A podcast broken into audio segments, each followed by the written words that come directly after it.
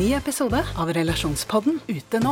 Datteren til en av lytterne våre har klippet av seg håret for å donere det bort, men nå blir hun mobbet for det. Hva kan mamma gjøre? Og hva gjør du når 14-åringen ikke vil ha den kjipe stebestefaren i konfirmasjonen sin? Ta hensyn til konfirmanten eller til mormor. Hør Relasjonspodden gratis der du hører podkast. Hei dere, velkommen til Biohacking Girls podcast. Vi leder showet, og jeg er Alette. Og jeg er Monica. Vi er gode venner og kolleger, og vi legger sammen våre erfaringer og kunnskap for å inspirere deg til å bli din egen biohacker og optimalisere livet ditt. Vi følger med på ny forskning og trender, og stiller de spørsmålene vi mener er nødvendige. Ja, vi deler informasjon om biohacking, life coaching og fitness, og vi håper at du vil føle deg inspirert og klar til å ta et tak for å komme i den beste helsemessige form. Velkommen til Biohacking Girls podcast. Vi ønsker virkelig ikke å bli 100 år hvis vi skal være i dårlig form, ikke ha no noe som helst livskvalitet og trenge pleie 24-7. Det ønsker vi ikke. Nei, vi ønsker ikke å leve lenge og bære på sykdom, men sannheten er at dagens biohackere vi jobber for å leve et høykvalitetsliv og utnytte de regenerative egenskapene kroppen vår har fra naturens side. Jepp, vi ønsker å makse våre eh, evner til å utføre oppgaver, til å hile oss selv og til å regenerere. Og vi har jo da en del verktøy i kassen Alette, som vi henter fram når vi trenger det. Å ja, det har vi! Vi må forstå regenerativ medisin, og så vi må også skjønne hva som gjør at vi eldes, og hvordan stresset påvirker oss. Vi må også skjønne hvordan kroppene våre kan jobbe optimalt, bare de kan få sjansen til dette. Og I dag så har vi med oss dr. Jason Sonners fra Miami. Han er utdannet kiropraktor, og han jobber med anvendt kinesologi. Han har en ph.d. i molekylær biologi, der fokuset er regenerativ medisin. Vi skal snakke om hyperbar, vi skal snakke om anti-aging. Vi gleder oss veldig til å få ham på tråden. Ja, for han er eh, tidlig ute, og han har til og med en sånn bestselger på Amazon. Den kom i 2020, hvor han skrev om eh, oksygenterapien. Og både forskningen og alle fordelene ved å bruke denne hyperbare eh, terapien eh, for at vi skal kunne leve lengre og ha økt fremgang. Og Da finnes jo veldig mange innfallsvinkler ved siden av hyperbar, men da setter vi over til Jason Sonners. Velkommen til Biohacking Girls podcast. Welcome to our podcast, Jason Sonners. It's so exciting to have you here. How are you? I'm fabulous. I'm excited to be here and share some fun information with you guys as well. So, a little bit uh, update. Where are you located right now? We are currently in Miami. Uh, we've been here for about six months. We relocated the family primarily so I can finish school, and uh, we found a, a good school here for my kids as well. So Oh, happy life in Miami. We love Miami. love the States, actually. yes. We, we, are kind of a, a, bit American in our hearts. But tell us about the center you run now, and you did that for six months. How, how is it, uh, how is it doing? Well, so we still we still actually run and operate our centers up north. So we have a clinic in New Jersey and then another clinic in Pennsylvania. And there the, the clinics are different. The one in Pennsylvania is primarily I would say functional medicine and hyperbaric only. The one in New Jersey is a bigger center. It's got, you know, about six different chiropractors, acupuncture, massage, IV, hyperbaric, red light therapy, sauna, you know, all kinds of uh, combined people and combined modalities for really trying to bring them all together as best as we can. Oh, Jason, would you please open a center here in Oslo too? yes, that's, yes. on the list. It sounds like yeah, it sounds like a really nice biohacking center. yes, exactly. Yeah, exactly right. Could we start talking a little bit about aging? Why we are getting sicker and there's so much medicine, uh, big pharma around us? So, you know, I, I think the the beginning of that conversation starts with, you know, are we basically spending our time waiting until we lose our health and then first getting involved trying to like reverse engineer the sickness process versus you know, are we realizing that just aging is a normal part of life? And I don't even know that we want to not age as much as we would just want to maintain our quality of life. And so aging's not the enemy. it's the allowing of our bodies to break down prematurely, whether that's partially because of increased, you know, stressors in our life that we weren't designed to handle, including things like, you know, chemical stressors in our food and our water, in our air, you know, physical stressors and the demands that we live in, you know, in, the environments that we're, you know, growing up in and, and ultimately trying to, you know, continue our life in. And, and all these excess stressors are just, I think, breaking us down prematurely. And in general, people haven't been actively trying to maintain or improve their health in the face of all those stressors. And so we see this premature breakdown during the aging process. And that's really why I went back to school, even in my 40s, was to try to figure this out a little bit better because, you know, I, I've been treating patients for 20 years and I think we've seen this where like our parents or our grandparents, you know, their quality of life was really taken from them pretty early on. And so even though we see these massive increases in longevity, so people are living longer and longer. They're living longer with less quality. I think, you know, at least in the US, the longevity is pegged at around 86 years old, but the quality of life index is still pretty much uh, hasn't budged much in like the early to mid 60s. And so we have this like potential 20 years of loss of quality of life, which is, you know, I think it's just terrible for us to watch and to witness.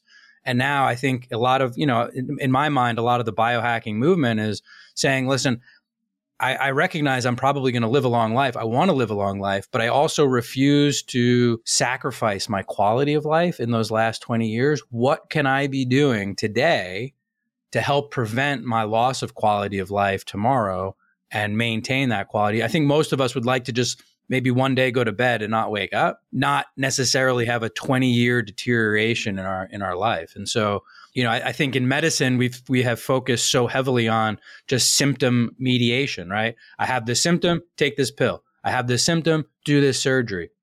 But obviously, you guys know, and we, you know, it's so much more complicated than that. And we need to be actively taking a role in the maintenance of our health and the improvement of our health over time. Otherwise, we will lose it for sure. Yeah, because it's not that we call it dying slowly. You use just 10, 20 years just to die on all these medications. But can you see uh, like a hopeful shift in your patients uh, that they're getting this? Or how how's the future looking? Yeah i think the future's bright. You know we good. we're getting better at testing.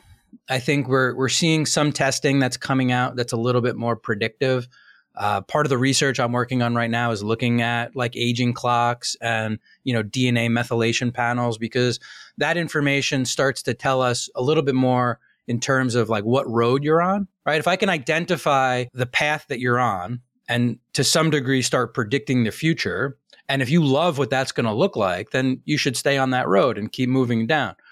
I think most people, though, we take these tests and they don't love the road they're on. And we need to intervene, you know, well before just because someone's asymptomatic doesn't make them healthy. It just makes their issues quiet. and so, you know, we have plenty of patients, especially now, you know, when I first got into practice, all of our patients usually came in with whatever problem they had. And then we were trying to dig our way out of that. We're getting more and more patients that are saying, listen, I don't really have any issues, nothing to complain about, but I also don't want to end up like this. What can I do? So I think between patient awareness of saying, hey, yeah, it looks like there are some things I could do. I just don't know which ones. You know, if you could just go online, it's like the, the list is endless of possibilities, some of which are meaningful and many of which are probably, you know, not that meaningful. And so, you know, patients coming in looking for guidance to say, how can I take some, you know, some steps and, and move in that direction? And the patients that we've done that with now for years, absolutely. We're seeing, you know, you could be three years older five years older 10 years older than you were when we started, but you're so much healthier and your quality of life is so much improved now even than then. And so, yeah, I think, uh, and I, and I think the science in this world, you know, as far as that part is going, it's growing so quickly that I'm sure by the time we need more of that help, there'll be so many things that we can do. So, so what would a typical approach when a client come in with this uh, wish to uh, stay, keep uh, on staying healthy? How, how, would it look like when they come to your yeah. practice? Yeah. You know, I mean, we do do some genetic testing, although I think genetic testing is very limited too, right? Your genes are basically um, you know, that's the it's the cards you were dealt. And we could maintain or we could manipulate certain pieces of that, or at least if we knew based on your genetic weaknesses, well, okay, so we have to protect you a little bit better in this area because of these weaknesses that you have. But I think that changing our genetic code is not going to be something that we're going to be doing anytime soon, uh, and probably shouldn't want to. But what we could learn is you know the epigenetics around that right? The epigenetics is really all the signals. It's really your life. You know how well do you handle the life and the environment that you're living in? And you know the epigenome is really the signals that are telling your genes what to do. And so if we can understand those switches and if there are switches that are turned on that we want off or there are switches that are turned off that we want on like that's a place where we could really manipulate things and improve people's life and health. And so uh, we do some genetic testing just to understand someone's weaknesses. Then we do these epigenetic tests because that helps us understand how well their body is really dealing with their environment.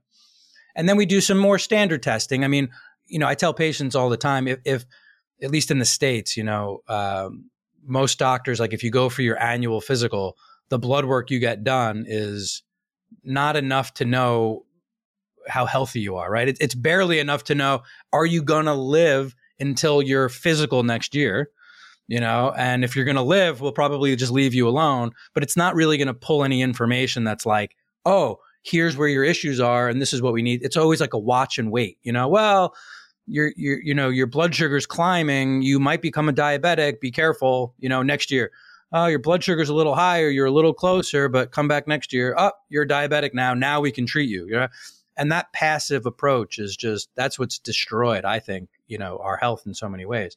Rather than taking such a you know a, a passive approach we're going to start looking at other like you know your vitamin levels um, and your patterns right? We could it's not that each test we do is so important it's that we actually look for patterns. Because if we see the patterns that you're going through that starts to tell us common denominators of where we could really focus in terms of improving that.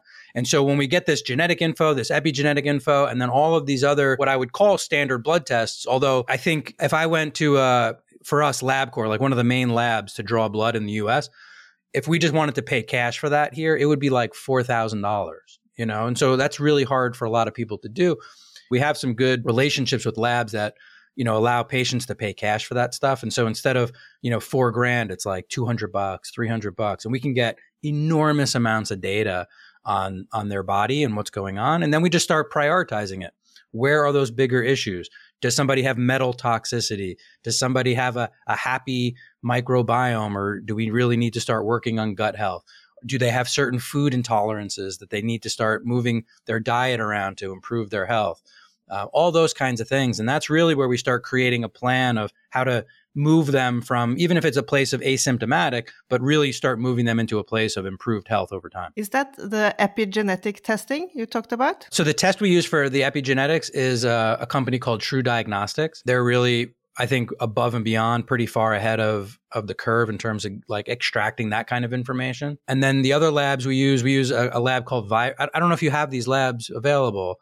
Uh, Vibrant is another one. Vibrant does great food testing you know, to some degree, I believe like a human diet is the human diet. In other words, like if you wanted to know, and, and diet's one of those things that's gotten so out of control, right? So if you were like, listen, I want to know what giraffes eat, what would you do? You you you would go, I assume, you'd go to Africa and you would watch giraffes in nature, and you'd be like, oh, okay, giraffes eat leaves off of trees, right? And you would start to just watch their patterns and understand what the giraffe diet would be but for some reason like we don't have the human diet. We've we've gotten so far away from whatever was originally natural. And is it possible that giraffes in certain areas would eat certain trees? Because those are the trees that grew in that area and giraffes in other areas would eat different trees because there's different trees in that area. That's all very possible. So for humans you know based on where you lived or where your family is from is it possible that the diet is slightly different because you guys have access to things that i don't have and vice versa? Of course but you know, the the human diet should be pretty standardized, and I think we've we've sort of destroyed that. And you know, humans have now figured out ways of creating their own food, things that didn't naturally exist. And so we've gotten like so off base, I think, as far as that goes, that we don't even know what to eat anymore. But because of that, and because of, I think, what we've done to the food supply, doing food testing, understanding where people have food allergies or food sensitivities, and really getting them away. Because at the end of the day, I do believe there's two things that are causing all of the issues for most folks. It's chronic inflammation and it's mitochondrial dysfunction. So the part of your cell that makes energy is dysfunctional. So you can't make enough cellular energy. And then you're bathing in inflammation. And between those two areas, almost every chronic illness that we look at, all the big, bad, scary things that none of us want, you know, the cancers, the strokes, the diabetes, the heart disease, you know, all of that stuff comes down to inflammation and mitochondrial dysfunction. And so, you know, the food you eat, that's something that goes in your body multiple times every day potentially. And if that's causing part of your inflammatory response, you know, we're never going to make progress if we don't nail that down. So, so we look at foods, we look at other toxicities like glyphosate toxicity, petroleum chemical toxicity, heavy metal toxicity, you know, things that accumulate inside of our bodies that cause, again, cause inflammation. And then we look at all the things that we can do to improve mitochondrial function. And that's really like the baseline of what we're doing for most people. Is there one thing you would start with, or is it quite bio individual that you have to consider each client? Yeah, I think all of the things I've said so far are like on my high priority list. But I think once I have a minute to go through some basic conversations and, and understand where people's goals are, what you know, what jobs they've had that might have exposed them to certain things, what symptoms they're having, which, you know, you start to understand pattern again those same patterns. And so i might take that that list of eight to ten things that we do or i want to do on everybody but the ones i might do on you or, or the ones i might start with for you are going to be probably different than the ones I maybe i'll start with for me just based on you know the likelihood of exposures or symptoms i just have a random question sure uh, have you ever seen anyone without toxins in their system good call if if we've looked we've never not found. No. You know, is that always the biggest problem that they have? Not necessarily.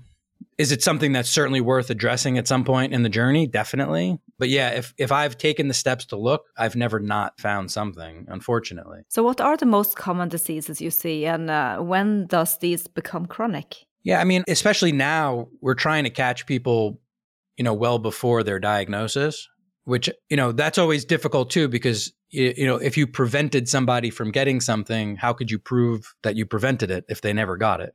At the same time, I don't want to wait until I have the thing before I take action on my health, right? So there, there's a little bit of um, a leap of faith, I think, when patients are coming in asymptomatic and looking for improved health. But once we can document, I think, what some of these issues are for people, you know, I, once you see on paper that you're loaded with lead or mercury or you're loaded with mycotoxins, you know, it's not that hard to, I think, get the motivation to really start taking action steps. If I know that these are bad for me for X, Y, and Z, you know, I, am motivated to actually do something to get rid of that stuff. That's great. And maybe you could, um, we're going to go back uh, and talk a little bit about your book. Uh, it's such a great book. But before we move over to HBOT, could you explain the difference between degeneration and regeneration? Sure. So, you know, our bodies are always doing both to some extent, right? Degeneration is the process of breaking down, uh, regeneration is the process of rebuilding. Uh, another word to use for that could be catabolic and anabolic. Catabolic is when our bodies are breaking down. And, and there's great things that actually happen when our bodies are in a in a catabolic phase. And then an anabolic phase is when the body's rebuilding. And again, great things happen when we're in anabolic phases. Some of the issues occur that if you're in either one of those phases too long, also bad things happen. So even though there's benefits of catabolic process, you can't just stay there.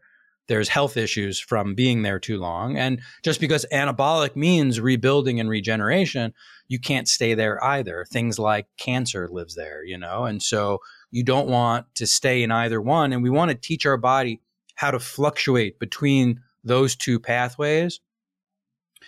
When we put ourselves into a catabolic state, the body really does a lot of house, you know, house cleaning. All the autophagy, right? That's a a term that's being used a lot these days, and fasting. Like those are that's a catabolic state. And when you put your body in a catabolic state safely, the body goes through and wants to clean up all the garbage. That's where detox is going to live there. And, you know, getting rid of old senescent cells lives there. And, you know, getting rid of dysfunctional cells that are, you know, borderline disease. That's in that catabolic state. We could wipe all that garbage out of our body and then we move back into an anabolic state. We start refeeding, we start boosting our exercise, we take certain supplements that stimulate growth and repair. We use other modalities like red light or hyperbaric oxygen. And all of a sudden, we get stem cell mobilization. We get those stem cells to move into those areas where you wiped out those old and dysfunctional cells. And as a result, you start to clean things up, rebuild, clean things up, rebuild. And if you can ping pong between both of those, um, those systems, you could really do a, a lot of work to rebuild your health. Now, I think back in the day, like before you could eat anything you want whenever you wanted, or, you know, just sit on your couch all day and do nothing and still survive our bodies always went through those two phases, right? There'd be phases where, you know, your village collected a ton of food or you know, we killed an animal and everybody ate plentiful for a day or two. And then there'd be days where we didn't eat much. And so just naturally, the, the rhythm of living naturally would have created this ping ponging between anabolic and catabolic phases just naturally. But we just don't have that anymore. And so it's very rare for, for us to allow the body to go through that. And a lot of what you and I are doing in our little worlds is creating strategic adversity right? We don't fast. Well i mean at this point it is kind of fun but like you're you're creating adversity. You're you're challenging the body. You're letting the body have to learn how to adapt to that challenge and then as you learn how to adapt to that challenge your body gets stronger your cells become more resilient your tissues become more resilient and now you can tolerate your environment far better than you did before. And so you know, a lot of biohacking is really strategic adversity that creates that adaptation to, um, you know, to the environment. I think we have touched on it a little bit, but um, why don't you just dig into the difference between the traditional medicine and the regenerative medicine, just sure. to get this clear? What you do the difference? So, I mean, I think to some extent, it's it's it's right there where we just left off. It's if all we ever did was what made us happy and what was easy, we would find that our bodies get very lazy, that our minds get very lazy. The body is very efficient, right? So, one example would be, you know, if you never exercised a day in your life and you got up off the couch and you did one lap around your house, like that would that would be stimulating to that person. And eventually, if they kept walking you know, then then one lap around the house is no longer enough because their their body would have adapted to that. Now they have to do two laps. Right? And after they do two laps, now they have to start jogging around the house, walking around the house just isn't stimulating enough. If we don't keep pushing that envelope a little bit, the body will figure out the easiest way possible to do whatever we ask it to do. And as the body gets efficient, another way in my mind that I use another another word I use is lazy because the body just becomes like, I don't, this is no challenge, eh, you know. And so that's where disease lives. If somebody was training for a marathon, one lap around the house would never be sufficient to stimulate change and recovery, right? So it's all relative to where we are starting from. And it's not just exercise, it's food, it's mental challenges. All of those things are part of this process. In traditional medicine, to some extent, we've created an environment that allows humans to become very lazy, to do whatever they want whenever they want, because exercise, maybe it doesn't matter so much. Food, whatever you eat, doesn't really, you know, how many people that come into my office with like, uh, let's say, um, inflammatory bowel disease, right? And I ask them about their diet and they're like, yeah, but my doctor said it doesn't matter what I eat. And I'm like, if the food you eat doesn't affect the tube that you put it in, what does it affect? Like, it would be crazy to me to think that if you have inflammation in your gut, that that has nothing to do with what you're actually putting into that tube, you know, as you're eating every day. And so, you know, we've disconnected in in traditional medicine, we've become very disconnected between the choices that we make and the lives that we live from the diseases and the problems that we have. We just assume that the human is going to break down prematurely And we have a list of therapies to help make that person feel better. As you said earlier, as they're dying slowly, we are comforting them so that they don't feel the problems that they're going through. That we're numbing them through their inevitable breakdown and death and we're destroying quality of life in the process. Regenerative medicine is like the exact opposite of that. It's constantly looking for what else can I do to stimulate change, recovery, and repair. I'm not going to take my health for granted. I understand that I need to be a willing participant in this process I call my life. And as long as I'm willing to consistently make changes and push that envelope a little bit, it's that whole concept of hormesis, creating change and stimulation to, to create adaptation and, and growth and repair. And so, you know, we're constantly looking for, depending on where you're starting from, where are your weaknesses and how can we start challenging your system, creating purposeful adversity to make sure that your cells and your tissues always have a challenge that is enough to create change and health, but not too much to create too much breakdown that you can't recover from it.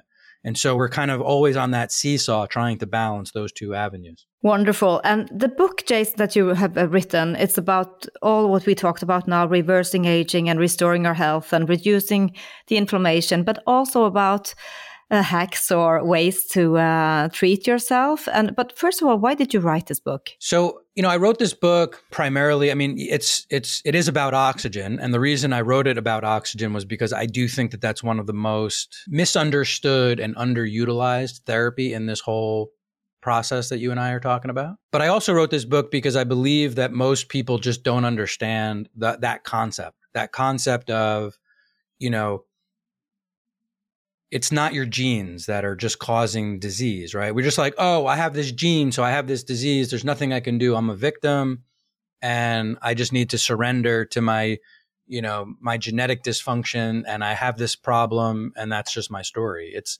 it's to understand that there are so many things we can do and in fact there's so many things that we need to do on a very regular basis in order to maintain our health or to improve our health. And I think that people give up so easily sometimes. And I think that doctors don't always explain it. In other words, if the patient was given the choice, listen, you could do nothing. You have this disease and you can take these pills and we'll try to make you feel more comfortable. But ultimately, it'll do nothing to ever change the disease state. You'll just feel better. Or here are some steps you can take. And in these steps, you actually might be able to shift your physiology away from this disease and you can create a whole different you as an, as a process if you go through these steps. Which mm-hmm. one would you like to do right? Mm-hmm. We're not given that choice. We we we're given one scenario and if we get frustrated enough we seek other alternatives and that's when somebody might find you know somebody like me right? But it's not like we're given those options ahead of time and, and I, I think it's unfortunate because a lot of people end up just i think giving up early because they don't realize they they had other options. So uh, why don't we talk a little bit about oxygen and the importance of oxygen? Sure. Also, uh, we're going to talk about the hyperbaric oxygen chamber. But uh, first of all, the process. Why do the body need the oxygen? So I compare when I when I teach a lot of classes, I compare our cell to a car engine. To me, it makes a lot of sense this way. A car has to bring in fuel, gasoline, Except my 12 year old's like, what about a Tesla? I'm like, okay, not every car. Smart one. Uh, yeah, exactly. So, you know, but a, a normal, you know, a gas engine, right? So you have to bring in fuel and that fuel has to mix with oxygen. And the oxygen oxidizes the fuel.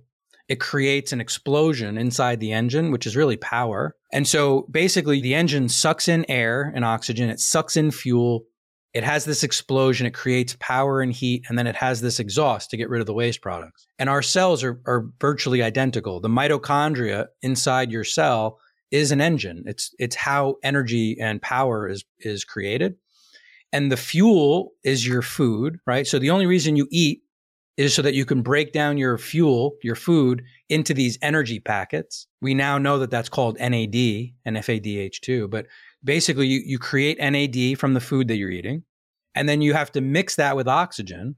And if you oxidize the fuel properly inside the mitochondria, your cells could make energy. They could also make heat. That's where a lot of our body heat comes from.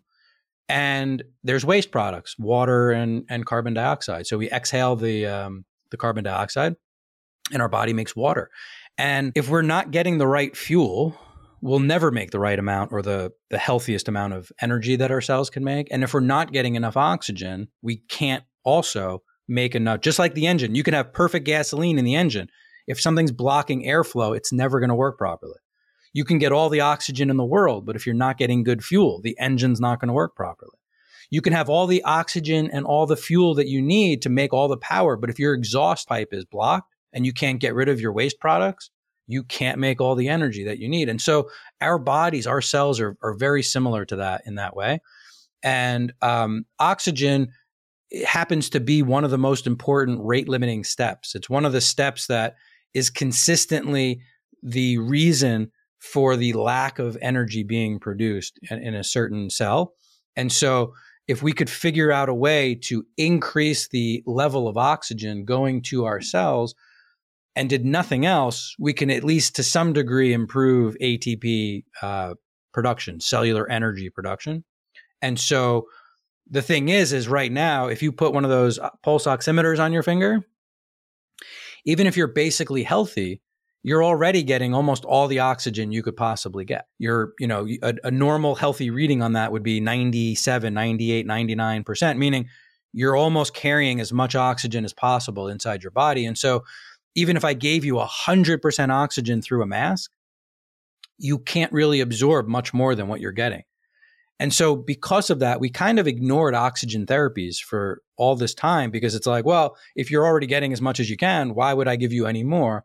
But it turns out if you go in a pressurized environment, that changes the entire process of how we absorb oxygen. And that's where hyperbaric really fits in. Hyperbaric is just creating a temporary pressurized environment, allowing your body to take more oxygen than what it's normally capable of. That's going to give your cells more oxygen, which is going to allow your cells to make more energy. So before we go even deeper into the HBOT, right. is there any other ways for people who cannot afford or don't want to go into the pressure camera? So yes and no. I mean, in general, most of us don't breathe the way we need to breathe. Most of us are shallow breathers. Most of us are stressed. We just we take these little shallow breaths. We have poor posture. Like there's a lot of things that go on, I think, in terms of why so many people are mildly hypoxic on any given day. So, exercise is certainly going to drive more oxygen into the body. Breath work is going to definitely drive more oxygen into the body. I mean, these are things that don't cost anything, you know, other than time to learn how to do them properly. And that could certainly create some abundance of oxygen beyond what your body is normally getting at the same time. And then just depends how deficient you are because that's that's going to take us to a certain degree more oxygen than what we're getting right now. But if we needed some like massive mega dosing of oxygen, um, those techniques are probably not going to be sufficient. We're going to need some other delivery system of oxygen uh, beyond that. So, what is the history behind the hyperbaric oxygen chamber? So, I mean, it started because actually started because of the building of the Brooklyn Bridge, really, where uh, these divers that were digging the holes in the riverbed to put the, you know, to start pouring the foundations for the bridge. They have to go up and down this shaft, you know, multiple times every day. And they were going to depths, which meant to pressure and back to the surface, down to pressure, back to the surface. And they were getting this disease they called at the time, they called Caisson's disease, which eventually be termed the bends. The bends is something that a lot of people, if you scuba dive, that's like a term that you'd be familiar with. And what it turned out was when they went back to pressure, they were fine. And when they came back to the surface, they'd have a problem. And when they went back down into the hole, they'd be okay again. And so when, when hyperbarics first uh, started being used for that, they called it a recompression chamber. And it, what it, they were saying is we have to recompress you. We have to compress you back to the depth where you got injured. And then it kind of just stayed in that world for a while and then into like, you know, scuba diving in general, where divers were getting injured from coming back to the surface too quickly. That still happens, although it's pretty rare because now we have a lot more information about how slowly to come back to the surface, how to decompress properly. Most people that scuba dive have a computer that tells them exactly what they need to do, you know, to basically avoid things like that. But again, it still happens on occasion. But from there, they started to see that other injuries were healing, other other complaints that people had were also improving. And so, you know, in the US at least, like in the 70s and 80s, they started using it for things like wound care or certain infections like gangrene, where they saw that there was this either this antimicrobial or this massive tissue regeneration that occurred when we got the person more oxygen. And so, you know, from the 80s and 90s, they kind of built out, you know, in the US at least, there's 14 approved indications that insurance might cover hyperbaric. Radiation burns, thermal burns, a few infections like necrotizing fasciitis and gangrene. Basically, when it's life or death or life and limb, like literally we're about to amputate something because of lack of oxygen or because of infection, they'll use hyperbaric and, and many times successfully in that time. But really what it turns out is the same mechanisms that are stimulate this antimicrobial and this positive regenerative quality. It's the same thing you would use for necrosis or wound care or necrotizing fasciitis. It's the same thing that you and I would want from chronic aging, from chronic inflammation, from, you know, just old injuries that never healed properly, post surgical scars that never healed properly, brain injuries that never healed properly, autoimmune diseases that are basically all, you know, immune system dysregulation. So, all the same mechanisms that were always at play that help create a more balanced immune system help reduce inflammation, improve your ability to fight infection, and then improve your system's ability to regenerate tissue all of that is the same in these terrible life and limb conditions. It's all the same as what I want just to maintain my quality of life over a long period of time. It's just the amount of pressure I need is different. If you're very sick, you probably need much higher percentages of oxygen and much higher pressures. If you're moderately healthy and just trying to improve your health, you probably don't need the same severity or intensity of treatment. And so now we're learning how to manipulate the pressures and oxygen to better meet the demand of whatever the patients are needing. So, what would be like a typical uh, treatment for uh, biohackers or people who are not sick but would like to maintain their health? How many sessions? How many? How how low do you go? Yeah, it'll also vary. I think a bit depending on what their what, what someone's goals are. I feel like everybody, especially in the biohacking environment, everybody's like, well, if some is good, more is better. So like, yeah. you know, forget this low pressure stuff you know, I'm, I want two and a half atmospheres. I want three atmospheres. You know, what's the most a human can tolerate? That's what I want. Uh, and that's just not how it works. You know, it's, I really do think it's important to try to match the intensity of the therapy with the goal. And so if we use two and a half atmospheres for wound care, or if we use almost three atmospheres, 2.8 atmospheres for, you know, carbon monoxide poisoning, like you're literally about to die you probably don't need that if you're a pretty healthy person. And so what I would say is, you know, in using those same numbers, uh, like those soft chambers that you probably have seen, you know, those usually run around 1.3 atmospheres all the way up to maybe 1.5, 1.75. I mean, that's 1.3 atmospheres just breathing air. If all you had was air, no extra oxygen, but you were in a 1.3 chamber, you're going to get 30% almost more oxygen than what you and I are getting right now. So if you had 100% oxygen right now and you had a mask of 100% oxygen, you'd get like 1 or 2%. You can't get much more than you're getting. But if you're breathing air, but you've now you're in a pressurized environment, that 1 or 2% becomes almost 30% because pressure is really the bigger manipulating factor.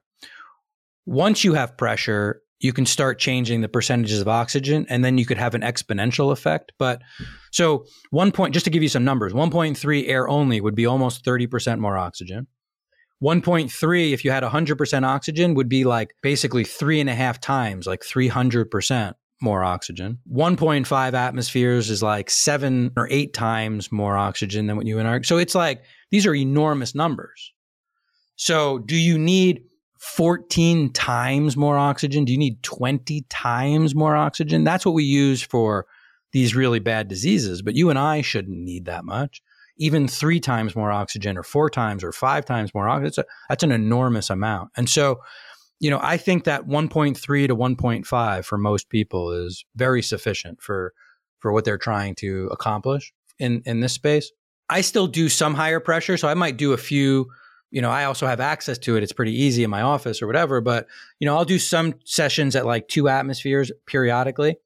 Um, but almost all of the my sort of my annual routine, most of it is done with a soft chamber in my living room. And then just periodically I go to my office and I'll do some higher pressure stuff. In terms of like protocols for where people should start, there's short-term benefits and there's long-term benefits. So short-term benefits are like things, you know, increased your immune system response, uh, increased ATP production, um, a little bit of reduction in inflammation. Like those are things, balancing of your autonomic nervous system, like your, you know, the, the whole stress response, like fight or flight versus, you know, sympathetic, parasympathetic um, nervous system. You'll get some balancing of the autonomic nervous system pretty quickly. But the things that I think most people really want, like new blood vessel growth in areas that were damaged and never healed properly, neurogenesis, like the rebuilding of neurons or synapses in our brain, stem cell mobilization, telomere growth, you know, things that even for a biohacker would want a lot of these long term benefits. So I still think that most people need to do absolute minimum of like a 20 hour to a 40 hour protocol over the course of about two months or three months regardless of what pressure you're doing, at least that will give your body a long enough period of time to get some of those long term changes to start happening. If that person then wanted to go into more of a maintenance model, I think that that would be okay.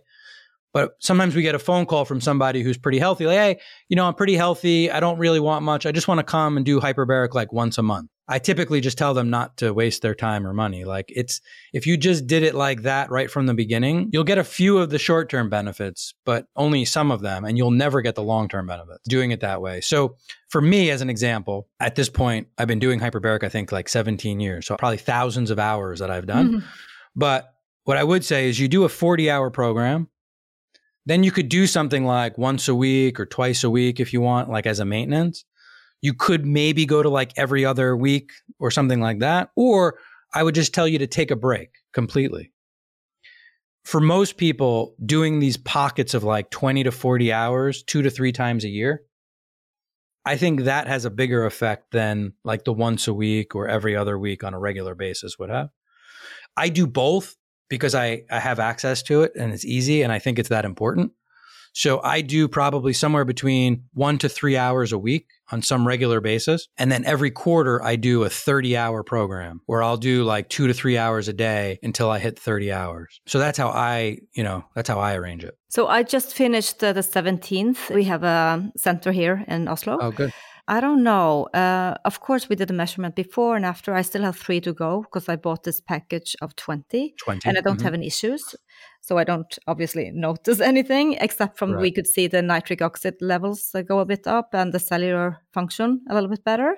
Good. Uh, but you talk about the long term, but it's like 17 hours in there. Of course, I'm reading a book and relaxing, but I would prefer going outside, working out, grounding uh, those 17 hours instead of being in the hyperbaric but do you still think I got some health benefits from it? And would you recommend me to continue with this kind of approach? Yeah. So, you know, there's a lot of things that happen cellularly that are just not easily measured. So, again, when, when I teach this stuff, we talk about the mechanisms of action. So, there are certain things that happen inside a hyperbaric chamber no matter what. And you don't get to check the box. Like, here's 20 things that are going to happen. These are the no. six that I want. These are the six that you want. You know, you don't get to choose this is just if you put a human into a chamber, these are the things that are going to happen to everybody, right? Now, you may have certain issues that these things are better for you, and I might have certain issues, so these things are better for me, but we're both going to get all of them, right? It, doesn't really matter.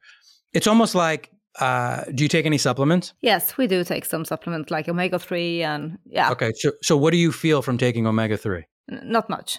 Nothing, right? No. So why do you take it? You you have some understanding that you need this nutrient in your body because this nutrient does certain things to your body and if you're deficient, there's consequences of that. And so in order to prevent deficiency, you're choosing to take this supplement on a regular basis to improve your health even though you don't feel like it's actually doing anything.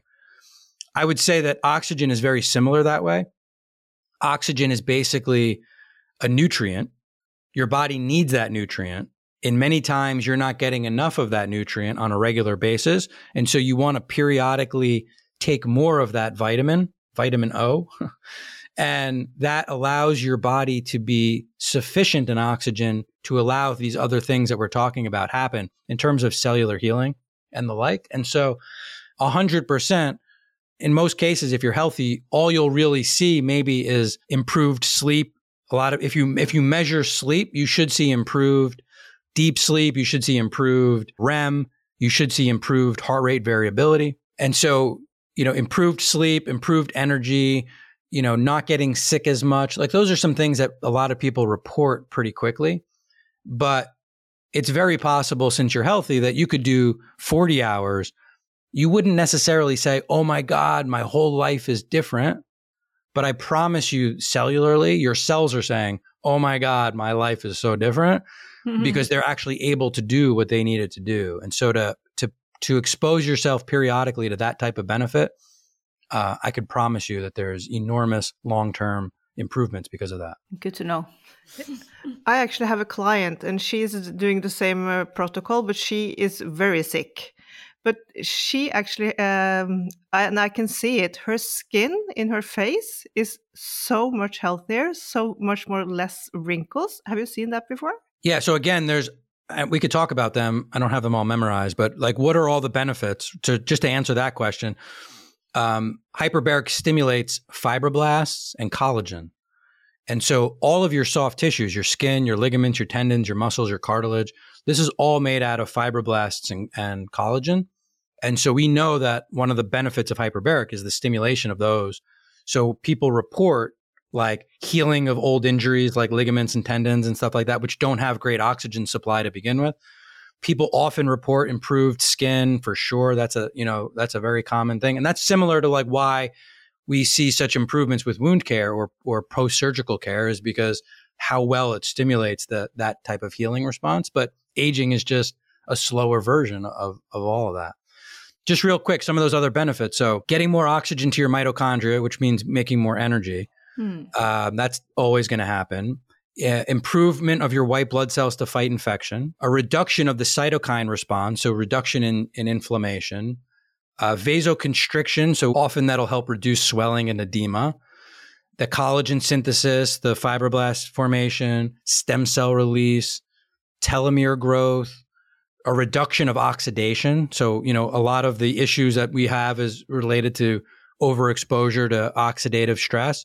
Even though hyperbaric is an oxidative therapy, it actually helps stimulate your body's own defense mechanisms against oxidation. So the net effect of going into a chamber regularly is a decrease in your overall oxidation.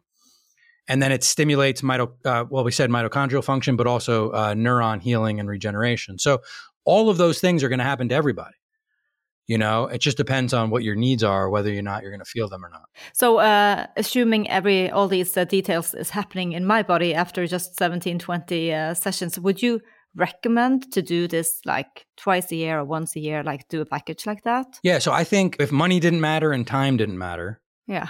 I would tell you to try to hit 30 or 40 hours before you stop your first protocol because there's, especially on the stem cell side, there's amazing things that happen once you hit those levels. Okay. And then for me, like I said, the 20 to 30 hours a few times a year, twice a year minimum, three times a year, great. I do it quarterly. So I do it four times a year. But some version where you just like, you know you just hit that protocol a few times a year that would be uh, definitely my opinion that's the i think what we're going to see that's the best way to you know plug this thing in periodically. What do you do in there? Do you read? I read. I often i take a nap usually. Okay that's good because um, i can never fall asleep. you know i do a lot of breath work in there. Mm. i think hmm. that that's a great place to do uh, at pressure. You you can't do breath work when the chamber pressure is changing but when the pressure is going to be stable for a period of time, so I do some breath work in there during that time. So I usually do some reading, which leads me into some breath work, and then I usually fall asleep. That's pretty much my routine. so for me, there wasn't any consequences. Sometimes I had a bit of pressure in my ears, uh, mm-hmm. but I could equal that out just pressing out the, the air. But is it safe? Yeah, I mean, you know, it is just oxygen, right? And so your whole body knows exactly. We're not adding any ingredient that's foreign to your body. Every cell in your body, other than your red blood cells that carry oxygen, every other cell in your body uses oxygen for energy. So it's an inherently safe therapy. There are very few people that can't go into a chamber. Pneumothorax, or if you have like a literally like a popped lung, you can't go in. If you can't equalize that pressure in your ears the way you're describing, you can't go in. Then there's a list of other things that you could probably still go, but you really need to be, it, you know, evaluated like COPD or emphysema or, you know, serious heart issues, certain medications. Um, in the US, pregnancy is considered a contraindication, although I don't agree with that, but it is. But yeah, other than that, I mean, virtually everybody else would do really well. It would be completely safe. Once you exceed two atmospheres of pressure, do you know what pressure you're going to, by the way? So we we we call it like uh, 80 and 90 and yeah. Uh, KPA probably. Yes, yes, it's K- KPA. That's KPA, correct. I remember now. Yeah. Yeah, so you're you're below two atmospheres, like 1.75, something like that atmospheres. But once you exceed two atmospheres, now you start understanding that there's other risks, a thing called oxygen toxicity. So even though oxygen is amazing, I'm telling you, you're getting like in in the situation you're in, you're getting like eight or nine times more oxygen than what you're getting right now. It's enormous. But once you exceed two atmospheres, you start to start thinking about other consequences like oxygen toxicity. Now, again, if the if the condition is very severe, the benefits outweigh the risks. But if you're just trying to be a healthy human, why are we adding extra risks? In my opinion, I don't think we need to. And so, you know, then we we have other conversations at at above two atmospheres on what other things we might want to be concerned about. But uh, at the pressures you're doing, there's really virtually almost no risks that I can think of other than making sure you could equalize the pressure. So good to know. But because when we reached like nine, they wanted to go all the way, but uh, I felt more comfortable around seven and eight. So I just stayed there. It's not, uh, it's not uh, worth going uh, because I was a bit dizzy. Okay. Yeah. But Jason, this has been so uh, interesting and so uh, learned so much. Uh, unfortunately, I haven't been able to do the therapy yet, but I have read your book and it's interesting. Yeah. You're next.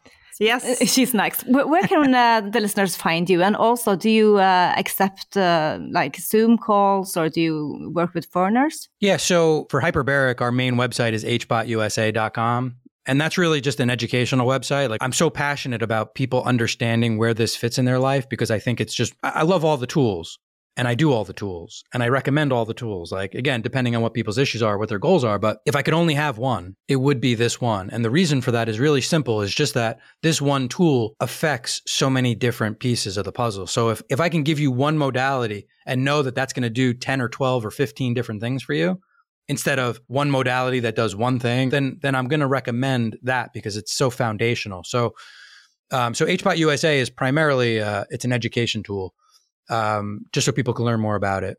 The hbotcourse.com is another website that we run, and that we have a lot of our training. So a lot of our education training courses, you know, stuff like that is on hbotusa.com.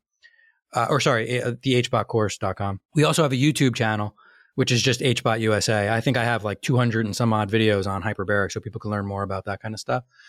Um, and then, yeah, we do, we do, um, I do consultations for people if they're trying to, if they, you know, should they be doing hyperbaric? Shouldn't they do be doing hyperbaric?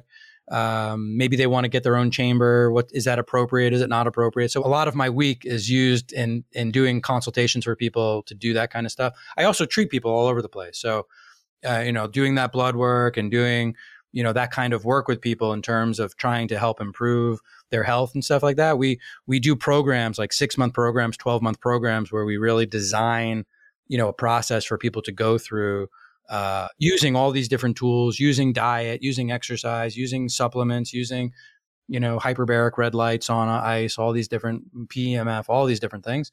And so we help design those protocols over the course of time to help improve you know people's health. So i do you know, I used to only do that in person and, and then we started doing it virtually in the US. And then, you know, now, yeah, we do it all over the world. Wonderful. Do- Are you on Instagram too? So I don't know is the answer. uh, I'm not like, Good. uh, I have a YouTube channel. I just record videos and I give them to somebody. I think HBot USA is on Instagram, but I've never actually seen any of the videos I make or, or any of the things that are put up there. So I'm pretty sure the answer is yes. I'm sure it's probably HBot USA, but I don't know how to say it in Instagram language. We will Um, find it. Yeah. but I'm sure it exists. Thanks a lot, Jason. It was really uh, interesting talk with you, and uh, we'll uh, make sure to put the links to, even to buy your book and uh, where to find you in the show I appreciate you guys. Yeah, Thank, thank, you, you, so for taking the time. Thank you. Of course. No, my pleasure. I'll see you in Oslo one day. Yes, we will see you in Oslo. Absolutely. Stay healthy. We'll keep All up you with- too. Yeah, Take care. bye. Herlig å ha Jason med oss fra Miami. Og jeg sitter jo igjen med en sånn følelse av at ja, det er bra å gjøre hyperbaric oxygen chamber. Jeg har vært litt utålmodig, Alette, som du vet. Men jeg får visst bare fullføre og kanskje til og med adde på noen ting, siden jeg er først i gang nå. Ja, Absolutt. Det er, det er jo ganske nytt up and coming i Norge, og fremdeles veldig, veldig dyrt, så dette er jo for spesielt interesserte. Eh, Så jeg syns du skal fortsette, Monica, for det er innmari spennende. Jeg vil få mer og mer sansen for dette her, altså. Men det jeg synes var veldig interessant med Jason, da var i alle fall å oppsummere litt eh, de forskjellige eh, tankene rundt aging, medisinering, alle disse livsstilssykdommene, inflammasjoner. Ja, rett og slett bare se litt på hva det som skjer i samfunnet vårt, og hva vi kan gjøre. Ja, han var kjempeflink til å forklare, og det, det ble liksom så klart. Og det er klart vi snakker om det hele tiden, men vi kan nesten ikke få snakket nok om det. Vi må få dette ut til folket, at er- vi må gjøre noe. Og fra forskjellige innfallsvinkler. Så som alltid når vi har en internasjonal gjest, så vil vi da snakke litt igjennom denne episoden på norsk, som kommer litt senere i uken. Men eh, vi håper dere fikk litt utbytte av det, og vi anbefaler å lese boken, for det er ikke bare om hyperbar. Den boken der handler om alt det vi snakker om, bare enda mer detaljert i forhold til aging. Happy biohacking!